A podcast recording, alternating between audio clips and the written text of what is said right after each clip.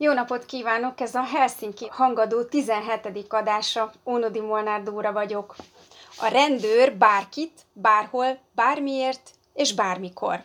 A fokozott rendőri ellenőrzésről fogunk most beszélni. Ha most kinyitjuk a rendőrség honlapját, a police.hu-t, többek között azt olvashatjuk, hogy az országos rendőrkapitány fokozott ellenőrzést rendelt el az ország több megyéjében is 2020. szeptember 7-én éjféltől 2021. március 6-án 24 óráig. Annak ellenére olvashatjuk ezt a rendőrség honlapján, hogy történt azóta egy más. Az Emberi Jogok Európai Bírósága ugyanis január közepén kimondta, hogy Magyarországon a elrendelt fokozott rendőri ellenőrzés, illetve annak keretében végrehajtott igazoltatások, motozások például, a, ezeknek nincsen korlátlan ö, nincs korlátja, és ezért a jogállamiságba ütközik. Erről fogom most kérdezni a meghívott vendégeimet, akiket nagyon szeretettel köszöntök. Vég Dávid jogászt, a Amnesty International Magyarország igazgatóját, Fazekas Tamás ügyvédet a Magyar Helsinki Bizottság képviseletében, és Német Zsold kriminológust, akit majd a rendőrség oldala felől fogok kérdezni. Először is Víg Dávidhoz fordulok, mert ő az, akinek az ügye végül is Strasbourgban kötött ki. Ez egy 2013-as igazoltatás volt a Sirály nevű művelődési központban. Mesélnél arról, hogy konkrétan mi is történt ott? Hogy hogy nézett ki ez a márciusi este, amikor megjelentek a rendőrök ezen a szórakozó helyen? Igen, nagyon-nagyon szívesen. Hát itt az történt, amikor megjelentek a, a rendőrök, hogy bulizni voltunk. Egy, egy kulturális program volt a Budapesten a Király utcában, volt a Sirály nevű művelődési ház, vagy, vagy, vagy kulturális intézmény, a 4-6-4-7 fesztivál keretében, és akkor itt voltunk egy, gyakorlatilag egy bulin aznap este, és akkor egy ponton megjelentek a rendőrök, bejöttek a, a sirályba, itt volt egy földszinti része ennek, egy emeleti, meg egy, meg egy pincehelység, és akkor um, gyakorlatilag egyik pillanatról a másikra egy, egy csomó rendőr jelent meg, és akkor azt, azt mondták, hogy, hogy itt most mindenkit igazoltatni fognak, és hogy, hogy aki szeretné, az, az, az egyébként elmehet, öm, öm, aztán aki pedig ott marad, mert, mert ott szeretne maradni ezen a kulturális programon, azok, azokat mindig igazoltatnak. És akkor itt voltak rendőri ruhába öltözött emberek, voltak olyanok, akik, akik mármint nem a, a, a szórakozók közül, hanem a, az igazoltatók közül voltak olyanok, akik, akik polgárőruhában voltak, és eléggé zavaros volt ez a helyzet, nem volt teljesen világos, hogy akkor most itt mi mit szeretnének a rendőrök, hogy így kit keresnek, vagy kit akarnak igazoltatni, meg miért akarnak igazoltatni. És azért és furcsa volt ez, mert, mert az előző napokban, nem tudom, hogy erre, erre emlékeznek-e a nézők, hogy ez, ez, ez most már 7-8 évvel ezelőtt volt, elég sokat lehetett hallani arról, hogy a, hogy a sirály az egy olyan szórakozóhely, ami, ami politikai szempontból problémás, hogy akkor voltak ezek a, a, a hírek a, a Terézvárosban, hogy akkor, mindenféle ö, ö, kormánykritikus, meg baloldali, meg progresszív ö, mozgalomnak volt ez, vagy lett volna ez a találkozó helye, és hogy a legkülönbözőbb okok merültek föl a, a, a híradásokban, hogy nincsen a helynek engedélye, meg nincsen tűzvédelmi, nem tudom én milyen papírja, meg, meg nem megfelelően működik. Szóval, szóval hogy, hogy, hogy igazából nem lehetett tudni, hogy miért vannak a rendőrök ott, de azt azért lehetett érezni, hogy van egy politikai nyomás a, a kerület vezetésétől, hogy ez a, hogy ez a hely azért, azért nem jó, hogy ott van, és nem jó, hogy, hogy, hogy működik, és, és ebben, a, ebben a kontextusban ott megkérdeztem, hogy miért történik a, az igazoltatás, és, és azt mondták, hogy éjjeli ellenőrzés történik, ez elég furcsa volt nekem, mert tehát azért ilyet nem nagyon, tud, nem, nem nagyon hallottam arról, hogy a rendőrségnek lenne arra jogosítványa, hogy ilyen random éjjeli ellenőrzést tarts, és nyilván, ahogy mondtad, én jogász vagyok, és azért ezt a rendőrségi törvényből ismertem, hogy ilyen ilyen igazoltatási ok nincsen, és akkor ott volt három-négy különböző rendőr, akitől különböző okokat lehetett hallani, még az éjjeli ellenőrzésen túl volt az, hogy valaki külföldi körözött szemét keresnek, volt olyan, aki azt mondta, hogy azért igazoltatnak embereket, mert nincs a helynek valami tűzvédelmi engedélye, és akkor emiatt. Na mindegy, szóval, hogy nagyon, nagyon zavaros volt ez a helyzet. Üm, viszont üm, én amikor megkérdeztem a rendőröktől, hogy, hogy, hogy miért igazoltatnak, akkor egyre agresszívabbá ö, váltak, és, és először csak verbálisan voltak ilyen eléggé megfelelmítők, aztán, aztán az egyik, amikor már itt többetszer kérdeztem meg, hogy de mégis miért történik ez az igazoltatás, akkor, akkor megfogta, megfogta a karomat, és, és valahogy így a, a, a színpad mögött így, így elkezdett kivezetni egy, egy, egy lépcsőn a, a helynek a hátsó ö, udvarára, ahol, ahol, ahol egy lépcsőn keresztül kellett felmenni, és ez is furcsa volt, hogy miért történik. De volt benne egy ilyen érdekes dolog, hogy, hogy amikor mentünk fel a lépcsőn, akkor az egyik rendőr meglökött, és, és úgy, tényleg úgy viselkedett, mint hogyha hogyha egy ilyen konfliktus próbálna volna, próbált volna provokálni kettőnk között, és, és amikor meglököttek utána azt mondta, hogy, hogy állítsam el magam, és ne lögdösődjek, ami tényleg ilyen nagyon furcsa volt. Mindegy, amikor kiértünk a, a, az udvarra, akkor már több rendőr állt engem körbe, és, és akkor ezután egy ilyen ruházatátvizsgálással folytatódott ez a történet, amit abszolút úgy éltem meg, hogy senki másnak nem vizsgálták át a, a ruházatát, hogy, hogy ez azért történik, mert én, én lent megmertem kérdezni, hogy miért volt a, a, motozás, tehát hogy abszolút egy ilyen retorziós célt láttam.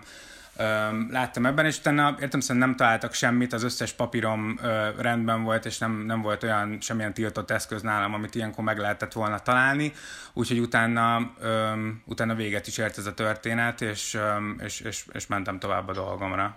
És akkor elhatároztad, hogy ezt nem szabad annyiban hagyni, tehát hogy itt annyira tetten érhető volt a visszaélés egy jogintézménnyel, hogy a Helsinki Bizottsághoz fordultál? Hát azt gondoltam, hogy egy, egy, egy, egy jogállamban egyrészt egy rendőrnek, aki intézkedés alá von valakit, el kell tudni mondania, hogy miért történik az intézkedés. Aztán, öm, aztán ezt az intézkedést egy olyan formában kell végrehajtani, ami egyrészt a jogszabályoknak megfelel, és nem retorziós ö, célú. Tehát én azt gondolom, hogy egy rendőrnek nem kéne meglepődni azon, hogy egy állampolgár megkérdezi tőle, hogy miért igazoltatják. Az, az volna az alap, hogy ezt egyrészt magától el tudja mondani, másrészt pedig pedig, hogyha megkérdezik tőle, akkor erre egy, egy, egy jogszerű választ ad, és felborítónak tartottam azt, hogy ez nem így, nem így történt, és nyilván ismertem azt, hogy a fokozott ellenőrzésre vonatkozó szabályok azok nagyon ö, tágteret adnak arra, hogy a rendőrség bárkit gyakorlatilag bárhol, bármikor, bármiért igazoltasson, és ezt egyáltalán nem tartottam elfogadhatónak, nem tartom elfogadhatónak most sem. Azt mondod, hogy azt emlegették ott a, a eljárás alatt, hogy külföldieket keresnek. Ugye ez még az az időszak, amikor nem indult el az a tömeges bevándorlás okozta válsághelyzet, nem volt a, nem hallottuk még a menekült ellenes gyűlöletpropagandát, tehát ez ö, kifejezetten a hely elleni politi- helyi politikai ö, vegzatúra volt? Hát nem, nem csak ebből ö, derült ez ki számomra, hanem azt hiszem, hogy, hogy, hogy azokból a nyilatkozatokból is, amit az ezt megelőző napokban, hetekben ö, helyi és bizonyos értelemben ö, országos ismertségű politikusok is tettek a, a sirályjal kapcsolatban. Ö, nagyon hasonló volt a mintázat azzal, amit, ö, amit néhány évvel ezelőtt az Aurora nevű helyel kapcsolatban ö, hallottunk, láttunk. Tehát, hogy, hogy ez, egy, ez egy olyan közösségi hely, vagy közösségi intézmény, ami, ami láthatóan szúrta a, a szemét a döntéshozóknak, és, és nagyon szomorú, hogy rendőrségi vegzálással próbáltak ennek, ennek véget vetni.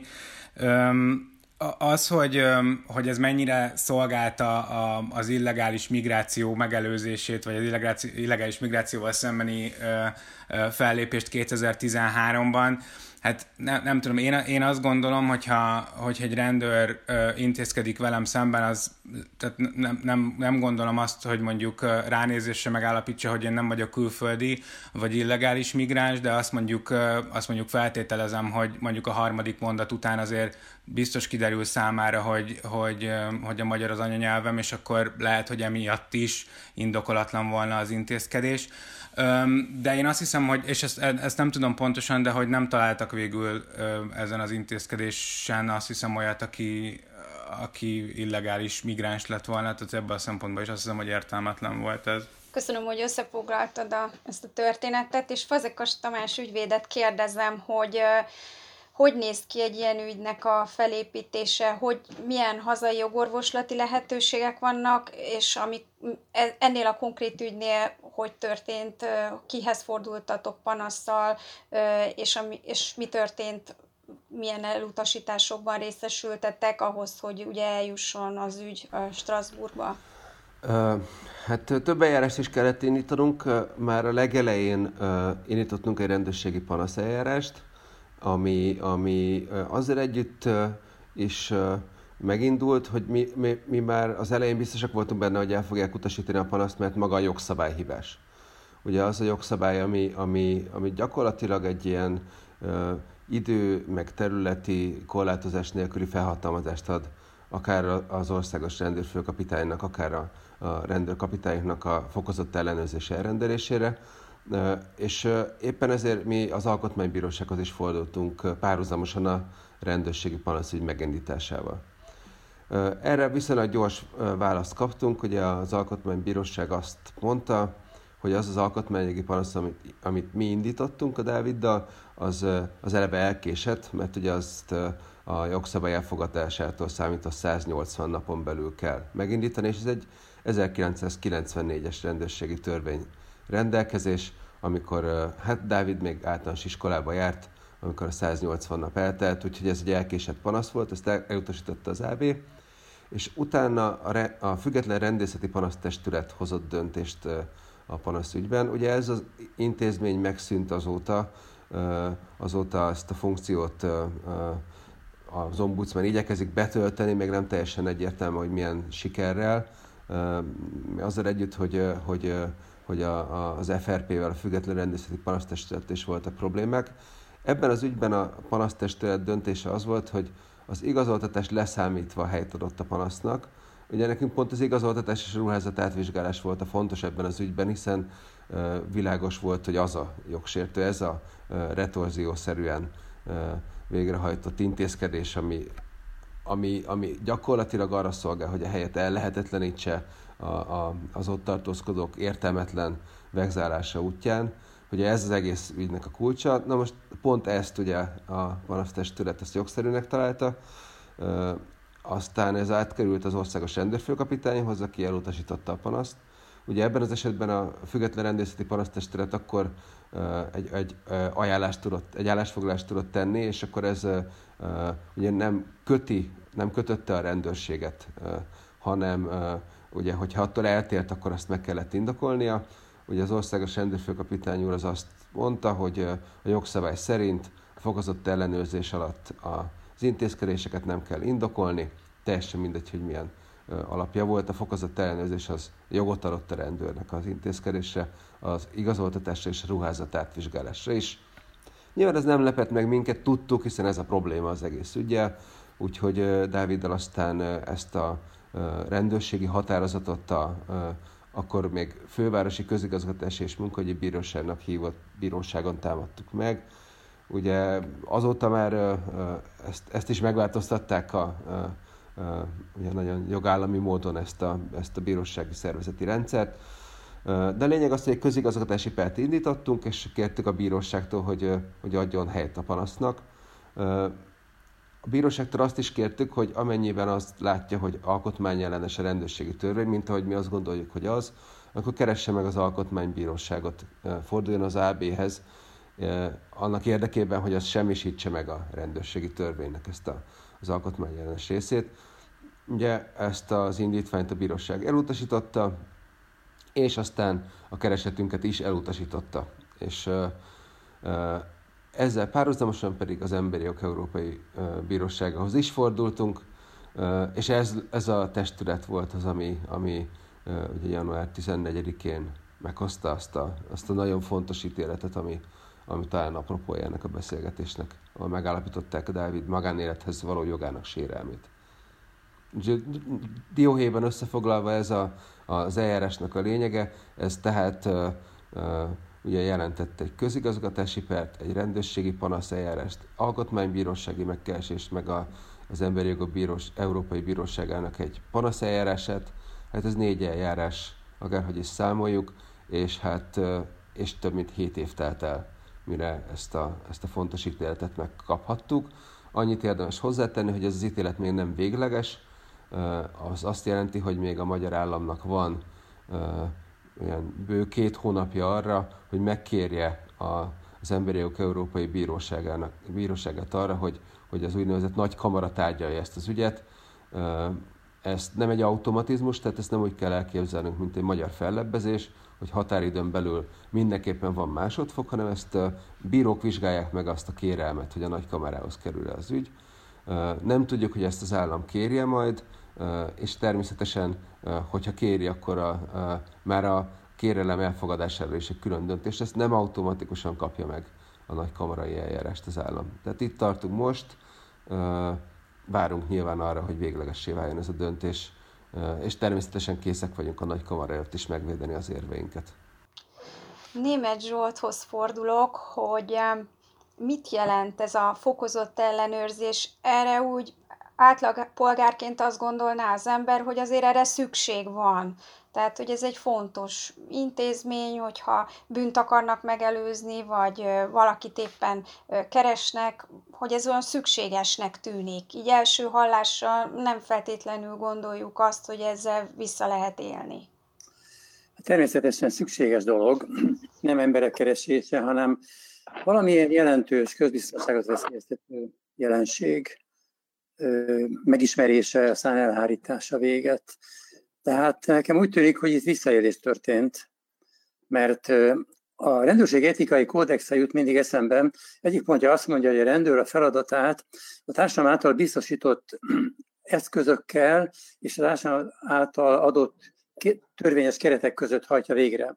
Tehát ha a törvény lehetőséget ad a fokozott ellenőrzésre, és ez a veszélyhelyzet ez fölrémlik, akkor joga van elrendelni a rendőrség vezetőjének, egy megyébe, egy megyei főkapitánynak, vagy az ország főkapitánynak az ország egész területéről a nagyobb részére, de hát ez, ez épp olyan, mint a, az egyéni igazoltatás, mert az sem partalan. Tehát ma már, ma már ellentétben a rendőrség törvény korábbi rendelkezésével, amikor az volt, hogy a rendőr azt igazoltathatja, akit, akinek a megismerését, a szolgálata, ellátása szükségesnek ítéli meg, ezen már túl vagyunk, most a konkrét célnak kell lenni, konkrét ügynek, ürügynek, hogy mondjam. Noha ez is áthágható, mert mondja a rendőr azt, hogy hasonlított egy körözötre, és ember legyen a talpán, aki azt mondja, hogy ez nem igaz, hogy a rendőr ezt miért gondolta, de ez mégiscsak az. De a fokozott ellenőrzésnek is kell konkrét céljának lenni. Tehát nagyon helyesen mondta Vig Dávid, hogy, hogy az a migrációs veszélyhelyzet volt, tehát arra tekintettel lett az elrendelve, és nyilván ilyen típusú, ilyen irányú igazoltatások van, volt jósultsága, amelyek a migrációs helyzetre vonatkoztak. Persze azt nem tudjuk, hogy erre sirályra miféle bejelentések voltak. És, de azért az is igaz, hogy a rendőrnek meg kell mondania. Tehát, bocsánat, megint eszembe jutott egy régi idézet, Ötvös Károly mondta, azt hiszem, a közösségi rendőr nem folytonos harcba áll az egyénekkel, hanem elősegíti azoknak a jól létét. Tehát, hogy milyen szép lenne a rendőr ezt szem előtt tartaná, már csak azért is, hogy őt ne utálja mindenki, és szeresse, támogassa, hisz neki fontos dolga a társadalom életében. De hát ez a rendőrt nem tudja áthatni, mert ő katona, pláne amikor nagy tömegben vagy nagy csapatban lették el ezt a szórakozói, a rendőr nem egyénileg döntött, hanem ott valaki elrendelte ezt valamelyik parancsnok.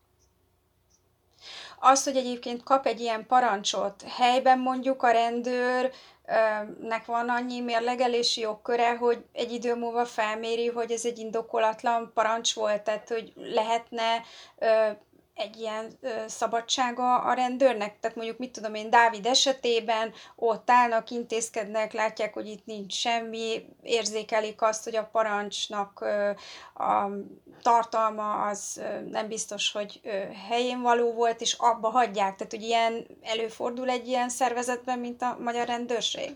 azt szerintem semmilyen szervezetben nem fordulhat elő. A rendőr önmaga nem bírálhatja fel, nem is tudhatja pontosan, mi van a háttérben, nem mindent közölnek vele. De ha már a rendőr magatartásáról van szó, azért amikor a, az alany, akit igazoltatnak, újra és újra megkérdező, hogy miért igazoltatják, akkor neki azt tűrnie kell, és nem fölháborodni, hogy miért akadékoskodik az ember. Neki az a dolga, hogy igazoltasson, és ha kérdezik, akkor válaszoljon rá. Tehát az aztán végképp elfogadhatatlan. Nem tudom, annak volt-e valami következménye, hogy a lögdösödésnek, meg a, meg a félrecipelésnek, ugye az már szabadságkorlátozása volt valamelyest. Tehát a rendőrtől nem hiszem, hogy számon kérhetjük ezt, ez voltak éppen, ugye szóba a közösségi rendőrség, meg beszéltünk a rendőrségi törvények születéséről, ugye a legnagyobb hiányosság, sok hiányosság van, a civil kontroll. Tehát, hogy a rendőr nem enged betekinteni. A törvény meg is e, teszi lehetővé, hogy nem mondhassa el, hogy ne láthassa a polgár, akinek az érdekében cselekszik a rendőr, ne láthassa azt, hogy mit csinál, miért csinál, pedig ezt szerintem jobb helyeken, meg okos helyeken meg is indokolják, hogy a polgár értse meg, hogy miért csinálja, legyen partner ebben. Mindhármatokhoz fordulok.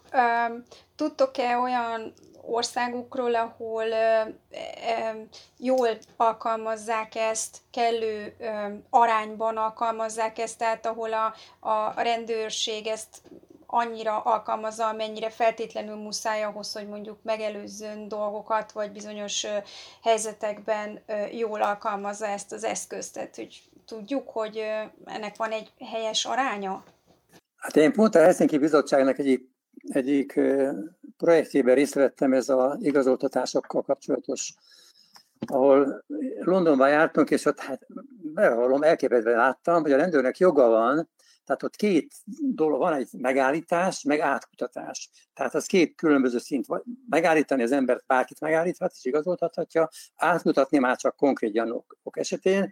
Mondom, előbb láttam, hogy ott az utcán a rendőrautó hűtőházára, kipak, motorháztetőre kipakoltatják a zsebéből a holmit a igazoltatottnak. Ez, ez, ez nálunk már nem fordult elő, mondjuk ez 10-15 évvel ezelőtt volt, de az a kutatás azért azt állapította meg, hogy az igazoltatásnak nincs értelme, tehát nincs haszna. Ezen az a munkaóra, idő, amit a rendőrség ezt eltölt, az nem, nem hozza meg az eredményét. Ráadásul csak növeli a polgárokkal lévő konfliktust. A rendőrség pedig nincs meg az emberek egy, együttműködése nélkül, információk, meg mindenféle támogatás nélkül nincs meg a rendőrség. Ja, ha jól tudom, ez a intézkedés, illetve ez a fokozott rendőri ellenőrzés, ez kapcsolatban áll az etnikai profilalkotás nevű fogalommal is, és erről ha egy picit tudnánk beszélni, mert az látszódik bizonyos ügyekből, hogy a rendőrség az alapján is eldönti, hogy kit igazol, és, és kit nem, hogy milyen színű a bőre, és az látszik, hogy ez bizony a diszkrimináció egyik formája is lehet. Úgy, úgy tudom, hogy a Helsinki Bizottságnak ezzel kapcsolatban is van, voltak kutatásai, adatai, ilyen ügyei is úgy tudom voltak. Tamás, idéznél, felidéznél ilyesmit, hogy kik voltak ügyfeleitek, milyen ügyekben vett részt a, a Helsinki Bizottság? Igyekszem válaszolni, aztán láttam Dávid is beszélni erről. Azért azt előre bocsátanom, hogy én ügyvéd vagyok, szóval uh, erről pont két kriminológus szerintem sokkal többet tud majd mondani, de ami nagyon fontos volt a Helsinki-nél, például az a Rimóci ügy kapcsán végzett kutatás, amit Ivány Borbál a kolléganőm kezdeményezett, és ott gyakorlatilag ebben a községben lehetett nagyon jól látni azt, hogy a romáknak mennyivel jóval nagyobb százaléka volt igazoltatás alanya, mennyivel jóval nagyobb esélye volt egy roma, egy cigány állampolgárnak, hogy, hogy őt igazoltassa a rendőr, többszöröse, mint egy magyar állampolgárnak, és ott gyakorlatilag a bírságolási, szintén diszkriminatív gyakorlat összefüggött a nagy számú igazoltatással is. És egyébként általában is, de ezt még egyszer kriminológusok nálam jobban szebben el tudják mondani, azt tapasztalható, hogy a, a, hát a rosszabb társadalmi helyzetű a társadalmi, rosszabb helyzetű társadalmi csoportok sokkal inkább alanyai az igazoltatásnak és a rend, ilyen típusú rendőri intézkedéseknek, és az a rossz elvárás, ami egyfajta teljesítménykényszerként jelentkezik a rendőr, rendőrökön, hogy, hogy, hogy, hogy, hogy látszódjon, hogy, hogy, hogy, hogy ők dolgoznak, és az azért látszódik, mert ők igazoltatnak, és sokat igazoltatnak. Szóval, hogy a munkájukat azt úgy tudják bizonyítani, hogy sok igazoltatást produkálnak, az sokkal inkább csapódik le a, a nehezebb sorsú állampolgártársainkon, mint a, mint a többségi állampolgárokon. És akkor átadnám a szót Dávidnak. Az előzőhöz szerettem volna nagyon röviden, hogy, hogy mi, mi lenne a, a jó megoldás. Szóval, hogy, hogy azt, amit ebben az eljárásban mi vitattunk, az a jogszabály és hogy az az alapján a rendőrfőkapitány hogyan rendelte el ezt a fokozott ellenőrzést, de hogy azért itt az is van, hogy nyilván nem lehet tökéletes jogszabályt alkotni minden helyzetben, ami mindig kiállja az időpróbáját, és ezért lenne fontos az, hogy, hogy például ne csak 180 nap elteltével, 180 napon belül lehessen az alkotmánybírósághoz fordulni, mert lehet, hogy később derül ki egy elfogadott jogszabályjal kapcsolatban, hogy alkotmányossági probléma van.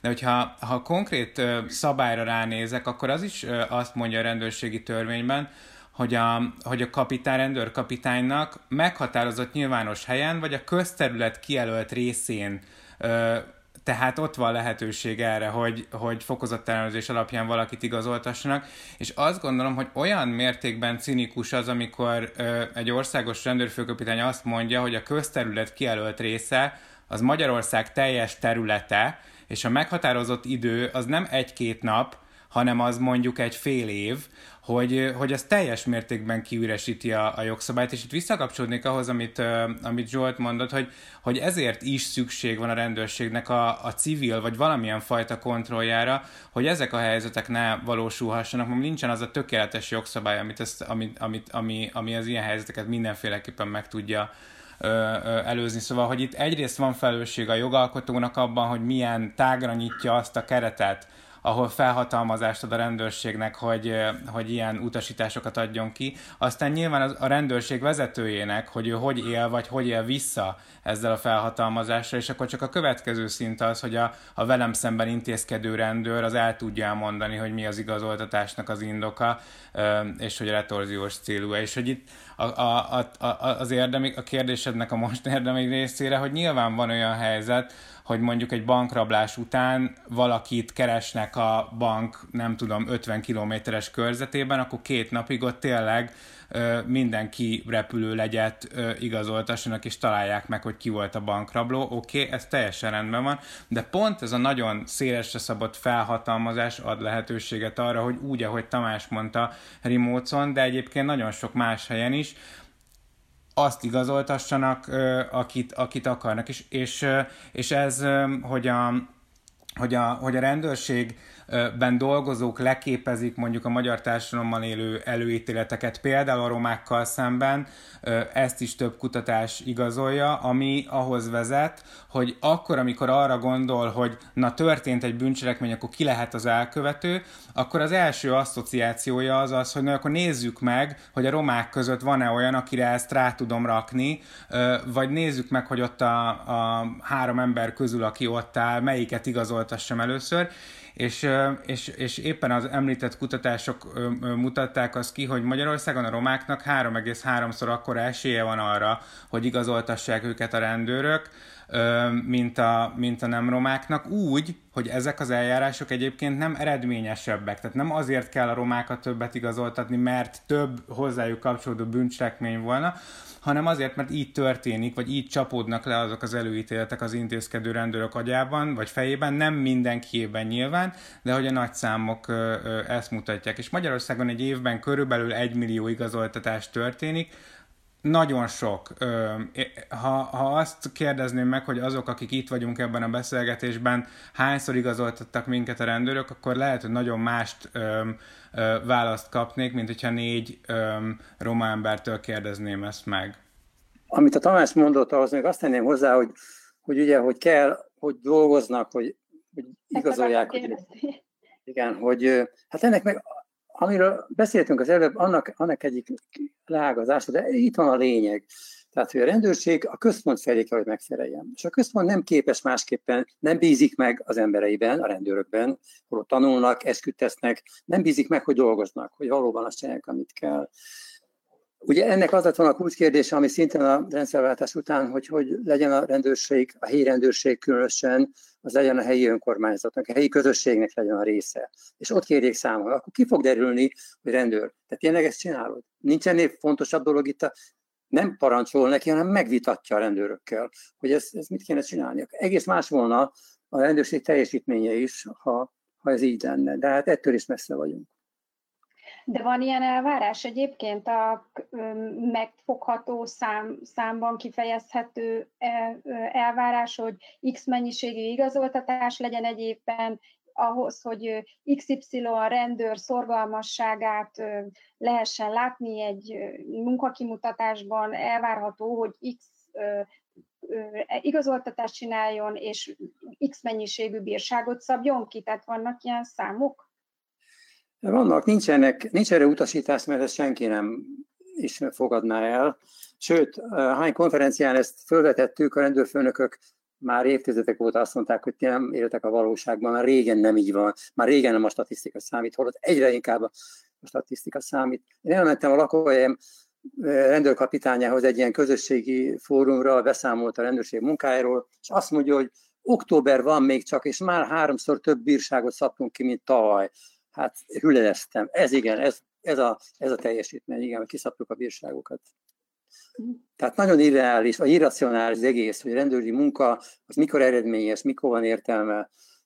Ezt, ezt nem sikerült megbeszélni Magyarországon. A rendészeti stratégia hiányzik, már százszor nekirendült a, a, maga a szervezet is nekirendült, hogy legyen ilyen tudósok, Finster Gézát, hadd említsem, a legtöbb ilyen stratégiát előállította, és soha nem jutott el a politikai szinten, hogy aztán végül el legyen fogadva. Arról, hogy először korlátozta Nemzetközi Bírósága a rendőr igazoltatási jogát, Kőszeg Ferenc a Magyar Helsinki Bizottság alapító elnöke és egykori országgyűlési képviselő az átlátszón vezetett blogján írt nemrégiben. Cikke kapcsán az egykori demokratikus ellenzék prominens tagját arról kérdeztük, hogy mi a kapcsolat az egykori rendőrállami szabályozás és a mostani szabályozás között. Megkérdeztük tőle azt is, hogy mit is jelent az a lex Demszki, Köztudottan ugyanis a rendszerellenzéki Demszki Gábort 1983-ban megállították a Fillér utcában. Rendőrök, igazoltatták, eljárás alá vonták, és nem lett szép vége, amiről beszélni is fog a következő videóban, amit most meg tudunk nézni. A dolog akkor 83 őszén elég nagy nemzetközi visszhangot váltott ki, a Gereben István, aki a Magyarországi Demokratikus Ellenzékkel jó kapcsolatot tartott fenn, és jó, jók voltak az amerikai kapcsolata is, az még aznap, aznap sikerült kihallgatást kieszközölnie a Fehérháznak, aznak híres ovális termében, a nemzetbiztonsági ügyekről szoktak tárgyalni. Na, tehát a Demszkit végül is bíróság elé állították, és nyilvánvalóan, hogyha nem nincs a dolognak egy ilyen nemzetközi háttere, akkor letöltendő börtönbüntetésre ítélték, de nem akartak tamizdat ügyben valakit becsukni, és úgy, hogy, hogy felfüggesztett börtönbüntetést kapott. Most tulajdonképpen a, a ügyünk szempontjából most jön, ami érdekes, nevezetesen, hogy a Demszki a ügyészségnél tiltakozott az eljárás ellen, mondván, hogy semmiféle jogalapja nincs annak, hogy, hogy e, átvizsgálták a kocsiját, hogy kérdéseket intéztek hozzá. Aztán nagyon hamar megkapta a választ, hogy de igen, a rendőrnek mindre joga van, de, a, de ö, ö, jogszabályra nem tudtak hivatkozni, mert ez a szolgálati szabályzatban lehetett ilyen, tehát a szolgálati szabályzat akkor nem volt nyilvános jogszabály, az egy titkos jogszabály volt. E, e, és ekkor nevezte el a demokratikus ellenzék ezt az ügyet Lex Demszkinek, mert hogy, ja igen, tulajdonképpen kifejezetten ezt a lényeges mozdulatot, hogy, hogy nem sokkal később megjelent egy miniszter, minisztertanácsi rendelet, amely sorra mindazt, amit a, amit a Denszki a beadványában panaszolt, azt törvényé, tehát jogszabályá nyilvánította, hogy igenis a közlekedési ellenőrzés közben a rendőr átvizsgálhatja a, a igazoltatott személynek a kocsiját, holmiát, ruháját, és ki, ki is kérdezheti. És ezt, ezt neveztük aztán Lex Demszkinek, mert teljesen nyilvánvaló volt, hogy a Demszki ügyre válaszol alkották ezt a jogszabályt. És evidensnek tűnt, hogy ez 1983-ban volt, hát akkor mi nem sejtettük, hogy a rendszerváltás nincs is olyan messzi, és, de evidens volt, hogy ha lesz egyszer egy rendőrségi, lesz egyszer egy, egy jogállam, és lesz egyszer egy rendőrségi törvény, abban ez nem kerül bele. Tehát nem így történt, hanem, hanem majdnem azonos szöveggel az igazoltatásról szóló jogszabály megismételte ezt a Lex Demskit, csak ez most már nem egy titkos és nem is egy minisztertanácsi rendelet volt, hanem egy olyan törvény, amelyet a parlament kétharmados többséggel fogadott el. És hát ez nem az egyetlen, tulajdonképpen nagyon sok olyan pártállami jogszabály, akár rendőrségi, akár nemzetbiztonsági vonatkozásban, amelyek korábban ilyen belső utasítások alapján működtek, azokból a parlament törvényt csinált a 90-es években. Igen, na most a, a, a dolognak a, a, annyiban is, hát egy, egyrészt a, a, már az elfogadott rendőrségi törvény voltak éppen azt mondja ki, hogy a rendőr igazoltathatja azt, akinek a személyazonosságát meg kell állapítania. Tehát ezt írtam ebben a cikkben, hogy olyan, mintha egy mezőgazdasági kézikönyvben az állna, hogy akkor kell vetni, amikor vetni kell. És, és ez annyiban bővült, hogy bevezették a fokozott ellenőrzés eljárását, amikor is a rendőrnek még ilyen, ilyen indoklásra sincs szüksége, mert a rendőri vezető egy város, egy kerület, egy kerület, egy város, egy megye, sőt végsősorban az egész ország területére elrendelti a fokozott, fokozott ellenőrzést, mint hogy a jelen pillanatban, aztán szeptember óta, márciusig tartó hatállyal a valamennyi déli megyé, megyében fokozott ellenőrzés van. Köszök Ferenc szavai után adódik a kérdés, hogy miért van az, hogy ezek a rendőrállami hát szabályok még mindig visszaköszönnek a rendőrség mai gyakorlatában, miért, miért nem sikerül ebben a szervezetben is rendszert váltani, hogy mi a kriminológus véleménye erről, és aztán, a, hogyha Dávid és Tamás a véleményét kifejteni, annak is örülnék.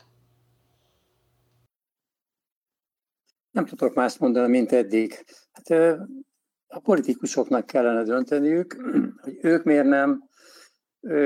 Úgy emlékszem rá, az volt a, az önkormányzati rendőrség elleni főérv, hogy de akkor a helyi hatalmas kiskirályok túlzott hatalomhoz jutnak és ilyen hasonlók. De hát ezek mind nyilván ki lehetett volna ezeket küszöbölni. Csak hogy ez egy szervezeti kultúra kérdése is, éppen amikor ezt a beszélgetést reklámoztam egy ismerősömnek, a fejéhez kapott és elmesélte, hogy három évvel ezelőtt pont ennek a ö, ö, igazoltatási hullámnak a kapcsán ő is beleesett ebbe, és igazoltatták a rendőrök, eléggé csúnyán beszéltek vele, és kiderült, hogy azért avval indokolták, hogy ő gyanúsnak nézett ki, mert hosszú a haja és farmer nadrágban volt. És egy ilyen párbeszéd, ha mondjuk 40 évvel vagy 50 évvel ezelőtt történik, akkor nem vagyunk meglepődve, de ezek olyan fiatal rendőrök voltak, hogy, már, hogy a rendszerváltás után születtek, és mégis olyan válaszokat adtak, amit a rendszerváltás előttről hallottunk utoljára rendőröktől. Tehát, hogy ez egy döbbenetes dolog, hogy a friss generát, fiatal generációk is ö, ugyanazokat a toposzokat mondják, hosszú haj, farmer nadrág. de ezt nem, nem, nem lehet általánosnak mondani. Ellenkezőleg most erre a beszélgetésre készülve beszéltem néhány kollégával, meg másokkal, szóval a mai fiatal rendőrök azért, azért ezen már túl vannak. Az igaz, hogy hat rájuk a, a közhangulat, meg a közbeszéd, a családi indítatás, sok minden, de azért ők már sokkal, sokkal normálisabban, vagy óvatosabban, vagy, vagy józanabbul látják el a munkájukat. Szóval igen, ez, ez, vannak ilyen példák bizonyára. Egyébként nem jó dolog a rendőrre találkozni. Néhányszor előfordult velem is, hogy belestem egy igazoltatásba, pedig aztán tudom mi ez. Sőt, én magam 25 évig is csináltam. És mégis éreztem, hogy milyen izgalomban vagyok, hogy, hogy nehogy valamit rosszul csináljak. Ez, ez nem jó, ugye? A, a, arra felé nem tudom, igaz-e, már régen voltam jogaton, a rendőr örülök, ha lá, örül a polgár, ha látja, mert, mert tényleg segíteni, segíthet rajta. Nem pedig, hogy attól kell tartani, hogy pont ő fog gyalogolni legalább a lelkében. Tamás említette, hogy 2020-ban megszűnt a feladatköre a Független Rendészeti Panasztestületnek, és a feladatait delegálták az ombudsmanhoz, hogy ide lehet panasszal fordulni, hogy a ti esetetek is azt mutatja, hogy sok eredménye nincs, de ez az új ombudsman mutatott-e már bármi érdeklődést a rendőrséggel kapcsolatos panaszokkal? Hát azt mindenképp meg kell várnunk, hogy kicsit több idő teljen el az ombudsman gyakorlatát még azért nem ismerjük, nyilván hozzá is befutnak panaszok, és van nekünk is ügyünk, amit már a, az új szabályok szerint a, az ombudsmannál kezdtünk. Van még valamennyi türelem természetesen, de azért egy dolgot már itt érdemes rögzíteni, hogy, hogy ugye az ombudsmanhoz való fordulás az azt is eredményezi, hogy utána egy, egy, egy olyan közigazgatási bírósági ellenőrzés lesz a döntés fölött, nem az ombudsman dönt, itt is a rendőrséghez kerül utána át, amiben a bírónak nem lesz joga megváltoztatni a rendőrségnek a határozatát, csak megsemmisíteni. Hogyha meg a, a rendőrségnél kezdődik egy panaszeljárás, akkor ott egy kétfokú panaszeljárás után a bírónak joga lesz megváltoztatni a, a rendőrségnek a, a határozatát. Tehát, hogy a, az ombudsmannál hosszabb idő áll rendelkezésre panaszt indítani, de hogyha utána a rendőr azt elutasítja, akkor az a vége láthatatlan csiki kezdődhet, hogy a bíróság esetleg ezt megsemmisíti, visszakerül a rendőrséghez, az megint elutasítja, megint visszakerül a...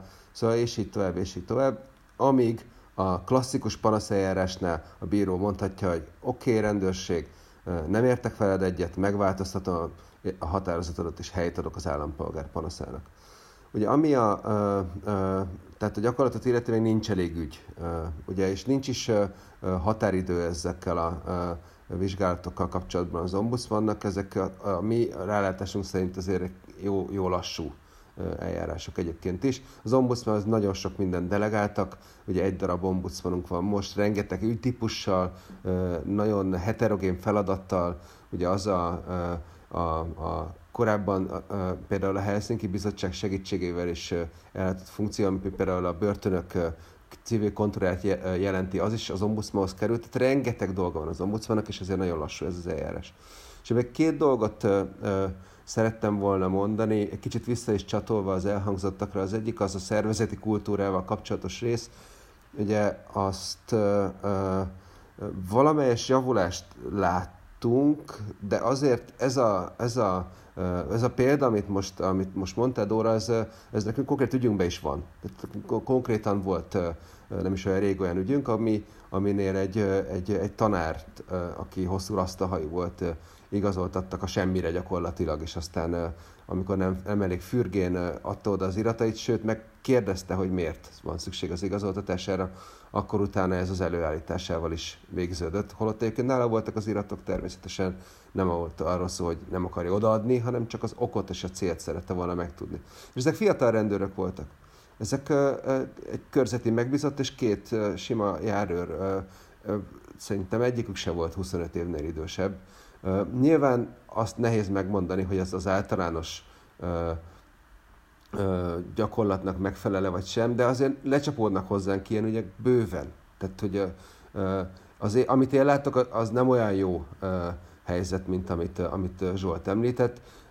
Nyilván nem egy pártállami rendőrségről van már szó, az kétségtelen tény, tehát hogy itt nem gumibotozás és rendszerellenes egyének teljesen adhok vegzálásáról van szó, meg nem olyan ügyekről, mint, a, mint ami a, a Demszki ügy volt, de azért a szervezeti kultúra sajnos azt látjuk, hogy, hogy a rossz mechanizmusokat örökítette a rendőri szervezetben. Tehát ugye az, hogy a rendőrnek joga van a hosszú hülye gyereket igazoltatni, mert hogy az biztos lesz valami, az, az működik, és ez most is van. És, és a szervezeti kultúra klasszabb lenne, mint, mint 20 évvel ezelőtt, amire még egyszer azt nem vitatjuk mi se, hogy nem biztos, hogy a, a, az intézkedő rendőrök felelőssége, hogy ez nem változott meg, akkor nem lenne az se, amit Dávid mondott, hogy, hogy háromszor annyi esélye van még mindig egy, egy cigány állampolgártársunknak, hogy igazoltassák, mint egy nem cigány állampolgárnak. Tehát a szervezeti kultúra, és ez kétségtelen, hogy ez a döntéshozóknak, a politikai vezetőknek a felelőssége nem változott. Jelentősen nem változott, mi azt látjuk. És még egy valami, visszatérve kicsit a fokozott ellenőrzésre, ami még mindig benne van a rendőrségi törvényben, és nyilván erről még fogunk is kicsit beszélni. Szeretném azt azért hozzátenni, hogy, hogy ez egy nagyon veszélyes, idézőjelben fegyver is akkor, hogyha rossz esetben korrupt rendőrök kezébe adjuk. Ugye azt tudjuk, és ez, ez nem fikció, hogy ugye a 90-es években a, a Vizovicki például a, a konkurencia ellehetetlenítésére használta korrupt rendőrökön keresztül a fokozott ellenőrzést. Egyszerűen kimentek a konkurenciához, és, és szétigazoltattak folyamatosan mindenkit, és egy idő után nem mentek erre a helyre nyilván az éjszakai életben szórakozni az emberek. Tehát más oka is van annak, hogy ezt a, az intézményt, ezt jogállami keretek közé szorítsuk, és nem megszüntetni akarta a Helsinki Bizottság soha, hanem keretet akart neki adni. A, a Dáviddal is az volt a célunk, hogy ez a jogszabály változzon meg, de ne kikerüljön a törvényből, hanem kapjon észszerű feltételeket, ugyan indokolási kötelezettséggel, és akár jogorvoslati lehetőséggel, és mint minden más intézkedésnél egyébként a rendőrségi törvény. Dávid, esetleg valami hozzáfűzni való? Igen, hát én most ilyen ügy, tehát az ügyfél vagyok nyilván ebben a történetben, és, és, és eszembe jut az az első alkalom, amikor amikor életemben először igazoltattak, és tehát ennek úgy látszik, hogy története van nálam, 16 éves voltam, és a, egyébként Budapest 5. kerületében volt ez is, és ott is megkérdeztem, hogy miért igazoltatnak, és azt mondta, hogy azért, mert gyanúsan viselkedtem, és megkérdeztem, hogy mi volt a gyanús, és azt mondta, hogy az volt a gyanús, hogy megkérdeztem, hogy miért igazoltattak, mert az állampolgárok nem szokták megkérdezni, hogy miért igazoltatják őket, és ez gyanúsá tett. És akkor azt hiszem, hogy ez annyira jól mutatja, hogy, hogy milyen attitűdje van egy, egy, egy, egy, egy általános intézkedő rendőrnek ezzel kapcsolatban, viszont ez az ügy, nekem nagyon erősen mutatja azt, hogy, hogy egyrészt van értelme ezt a nyolc éves, hát most mondhatom azt a tortúra, de azért én a Tamás kezeiben voltam ebben a tortúrában, úgyhogy nem volt annyira kellemetlen, tehát hogy, hogy azért ez mégis egy elhúzódó eljárás, és hogy, hogy egyrészt üzeni azt nekem, hogy, hogy, hogy Magyarországon nem olyan a helyzet, hogy, hogy lehetne elégtételt kapni egy ilyen jogsérelem esetén. Azt hiszem, hogy mindent kipróbáltunk, amit lehetett, volt, amit még többször is, és hogy, és hogy a Strasburgi Bíróságig kell menni, de hogy azért mégis nyolc év után van egy olyan bírói fórum, amelyik kimondja azt, hogy, hogy ez így nincs rendben ebben a, ebben a formában, és hogy, hogy ez egy teljesen egyértelmű üzenet szerintem a jogalkotónak Magyarországon, hogy igenis meg kell változtatni a, a fokozott ellenőrzésre vonatkozó ö, szabályokat, és hogy igenis törvényi garanciákat kell berakni a, a rendőrségről szóló törvénybe, ahogy, a, ahogy Tamás mondta, hogy ne lehessen visszaélni, vagy ne lehessen gyakorlatilag kiforgatni ezt a jogszabályt, és mondjuk mások ellehetetlenítésére használni, vagy ahogy vagy ahogy az előbb beszéltünk róla, hogy, hogy ne lehessen olyanokat indok, indokoltan igazoltatni, ahol, ahol erre egyáltalán nincsen, nincsen szükség, és hiszem, hogy a hatékonyság is ezt kívánja. Erről is kérdeztük Kádár András Kristófot, a Magyar Helsinki Bizottság alapító elnökét, és arról is, hogy milyen következményei lehetnek annak, ha a kormány nem tartja be a Strasburgi, illetve a luxemburgi bíróságok ítéletét, hogy hogyan lehet kikényszeríteni azt, hogy a kormány többség a megfelelő irányba módosítsa azokat a jogszabályokat, amelyeket most a Strasburgi bíróság az emberi jogokat sértőnek talált. Erről is fogunk most egy kis filmet látni. Kádár András Kistófot hallják. A kétféle bíróság döntéseihez kétféle mechanizmus kapcsolódik. A Strasburgi bíróság döntéseihez egy valamivel puhább, kevésbé kemény eszközökkel működő mechanizmus. Az Európa Tanács mellett működik a Miniszterek Bizottsága, ennek a feladata a Strasburgi döntések végrehajtásának az ellenőrzése, és ez egy politikai jellegű testület, tehát ez annyit tud tenni, hogy újra és újra kifejezésre jutatja az elégedetlenségét, illetve felhívja a kormányt az általa vizsgált döntések végrehajtására. Tehát ennek inkább egy ilyen diplomáciai, politikai eszközrendszere van. Az Európai Unió Bírósága, a Luxemburgi Bíróság döntéseit egy ennél valamivel hatékonyabb vagy élesebb mechanizmus, vagy ahhoz egy ilyen hatékonyabb, élesebb mechanizmus kapcsolódik.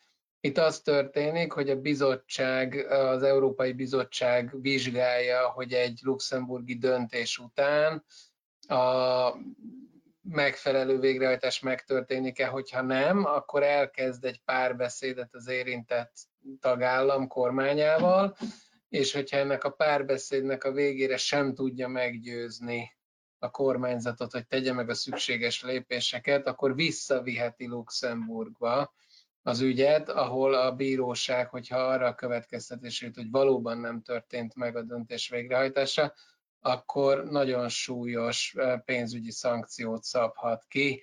Egyrészt egy összeget az addig bekövetkezett jogsértésért, másrészt pedig egy olyan összeget, amit tulajdonképpen egy napi tételt, amit az országnak mindaddig fizetnie kell, ameddig megnyugtatóan nem rendeződik a végrehajtás, tehát amíg megfelelően végre nem hajtja a döntést. És hát itt százezer eurókról beszélünk, tehát a hosszú távú végre nem hajtásnak elég súlyos anyagi következményei vannak a renitens ország számára. Most akkor térjünk vissza ehhez a konkrét Strasburgi ítélethez. Milyen következménye lehet annak, ha a kormánytöbbség nem változtat a fokozott ellenőrzés mostani jogsértő szabályain, amelyet persze nem írt elő ez a Strasburgi ítélet, de amely úgy képzelni az ember, hogy következik magából az ítéletből. Tulajdonképpen az az igazság, hogy érdekes módon itt a Strasburgi döntések esetében, tehát hogyha rendszer szintű problémáról van szó, akkor a, a, az érintettek kezében van a végrehajtás kikényszerítésének a lehetősége, ahogy ezt a börtön zsúfoltságos ügyekben tulajdonképpen láttuk mert amennyiben nem orvosolja azt a rendszer szintű problémát a magyar kormány, illetve törvényhozás, ami ennek az egész döntésnek a mélyén van, tehát a, magát, a rossz szabályozást, akkor az a helyzet, hogy bárki, akit a fokozott ellenőrzés alapján igazoltatnak, az elindíthat jogorvoslati eljárásokat, amelyek végül egyébként ugyanúgy, ahogy Vig Dávid ugye Strasbourgban landolhatnak, és hogyha több száz ember viszi az ügyét Strasbourgba ezen az alapon, akkor ugyanúgy kialakul egy nyomás a kormányzaton, mint hogy a börtönzsúfoltság ügyében is kialakult. Hiszen a börtönzsúfoltság ügyében is az történt,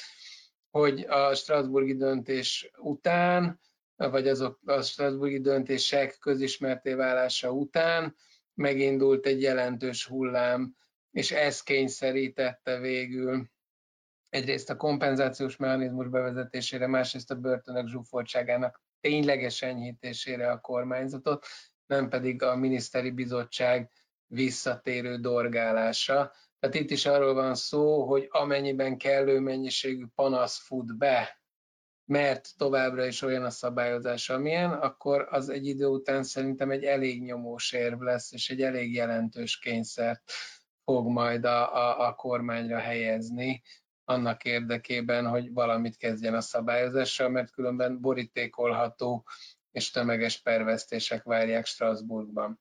És tekintettel arra, hogy e tekintetben a magyar kormányzat eddig azért teljesített, tehát az egyéni kompenzációkat kifizette minden általam ismert esetben, hogyha ez a gyakorlat fennmarad, akkor, akkor az anyagi következmények kellően jelentősek lesznek ahhoz, hogy valamit kezdjen vele a magyar kormányzat. Kádár András Kristóf, a Magyar Helsinki Bizottság társelnökét hallották, aki azt mondta, hogy utolsó mondataival, hogy akkor is lehet valamiféle nyomást gyakorolni a magyar államra, hogyha egyre több panaszos ügye érkezik meg a Strasburgi Bíróságra. Azonban pont itt a beszélgetés során került elő, hogy milyen kevéssé kérdezik meg, vagy mennyire nem általános az, hogy a igazoltatott állampolgár visszakérdez a rendőrnek, hogy na de most az az egész mi végre való kérdezem tőletek, hogy elképzelhetőnek tartjátok-e, hogy az állampolgári öntudat az úgy megerősödik, és egyre több ilyen panasz érkezik majd a rendőrség indokolatlan igazoltatásával, vegzálásával kapcsolatban? Hát az a titkos tervünk, hogy, hogy, hogy ez megváltozzon. Bár nem szerencsés a titkos tervet mondani, mert akkor mindjárt jön a soros összeesküvés. De hogy, hogy ez, a, ez a szervezeti kultúra, ami, ami, ami, ami ugye egyedi ki volt szolgáltatva, és ki van szolgáltatva a politikai akaratnak, akkor ilyen külső nyomásgyakorlás miatt megváltozom meg. És hát, hogyha ez elég nyilvánvaló, hogy egy, egy ilyen panaszügyet meg lehet nyerni, akár, akár Strasbourgba, akkor, akkor abban bízunk, hogy, hogy az állampolgárok egyre inkább fognak ezt, fogják ezt az eszközt használni, hogyha azt tudják, hogy, hogy végül is sikerre tudnak jogorvoslatot kérni, és kaphatnak jogorvoslatot, és egy idő után megváltozik, megváltoztatják ezt a jogszabályt. Megedzem, nem kell borzasztó dolgokra gondolni a jogszabály megváltoztatásánál sem, az, hogy mi azt a tisztességes szabályozást kérjük, és kértük számolni a Helsinki Bizottságnál a mindenkori kormánya, nem csak a mostani, hanem az előző kormányokon is, ami, ami, ami, ami ez egyáltalán nem egy ilyen ördöngösséget jelentett. Tegyenek bele időbeli korlátot, indokolási kötelezettséget, jogorvoslati jogot, és akkor mindenki boldog, és akkor lehet úgy használni ezt a, a jogá, akkor már jogállami szabályozással ezt az eszközt, amire tényleg való és nem, nem lehet akkor majd visszaélni vele. Ez nem olyan bonyolult egyébként, nem, nem ördögtől való ezt a, ezt a rendőrségi szakaszt egy kicsit ilyen jogállamibbra szabni. Zsoltnak egy kicsit specifikálom a kérdést, hogy lehetséges, hogy ezt az régi időkből, tehát a rendszerváltás előtti időkből hozzuk a, a társadalom nagy része, főleg azok, akik akkor már éltek is, hogy így összerándul a gyomor, amikor meglátja a rendőrt, jaj, csak ne igazoljon, jaj, csak ne. Tehát, hogy ez esetleg benne van abban a attitűdben, hogy nem kérdezünk vissza, a, a, amikor indokolatlan ellenőrzés alá vonnak? Itt most jól látszik az ügyvéd, a jogászi gondolkodás, meg a kriminológus, a Dávid is, közti különbségre, mert ugye a jogszabályokba akarja terelni, meg lehetetlenné tenni ezt a dolgot, a kriminológus a megoldást akarja. Tehát, hogy maga a rendőr ne is adjon okot arra, hogy őt korlátozni kelljen. Három jó dolgot tudok erre mondani. Egyik a, a rendészeti szakgimnázium, ahol az egyenruhás rendőrök tanulnak, annak a pedagógiai programjába keressétek elő, meg lehet nézni, Adi Ligeténél találtam meg. Az van, hogy a rendőr tanuló, ha úgy érzi önmagán, hogy kezd elhatalmasodni rajta az a törvény hatalma, az az a, az a érzés, hogy mindenek fölött van, akkor ezt külön neki ezzel kezelni kell, és valahol fordulni kell, hogy ez, ez, ez szám, menjen el belőle. A másik az, hogy a, a rendészettudományi karon nálunk tetszett járni, hogy van megelégedve. Tehát, hogyha szervizbe megyek autómmal, vagy más szolgáltatóhoz egyre gyakrabban fölhívnak másnap, megkérdezik, hogy mennyire voltam megelégedve a, a munkájukkal. mi volna a rendőrség, venne egy nagy lélegzetet, és megkérdezni, nem csak a gyanúsítottól, a sértettektől például, hogy mennyire volt megelégedve azzal, hogy mi, hogy mi dolgoztunk. Mert, mert a rendőrség képes arra, hogy, hogy adatokat hoz, közvéleménykutatási adatokat, hogy a rendőrségbe bíznak a legjobban a polgárok Magyarországon. Ilyeneket sorra mutogatnak. De hát, hogy kit meg? Kérdezzük meg a panaszosokat, vagy kérdezzük meg azokat, akik el sem mentek panaszkodni, mert nem akartak rendőrt látni, például a cigányok esetében. Szóval szerintem inkább erre felé vezetne az út.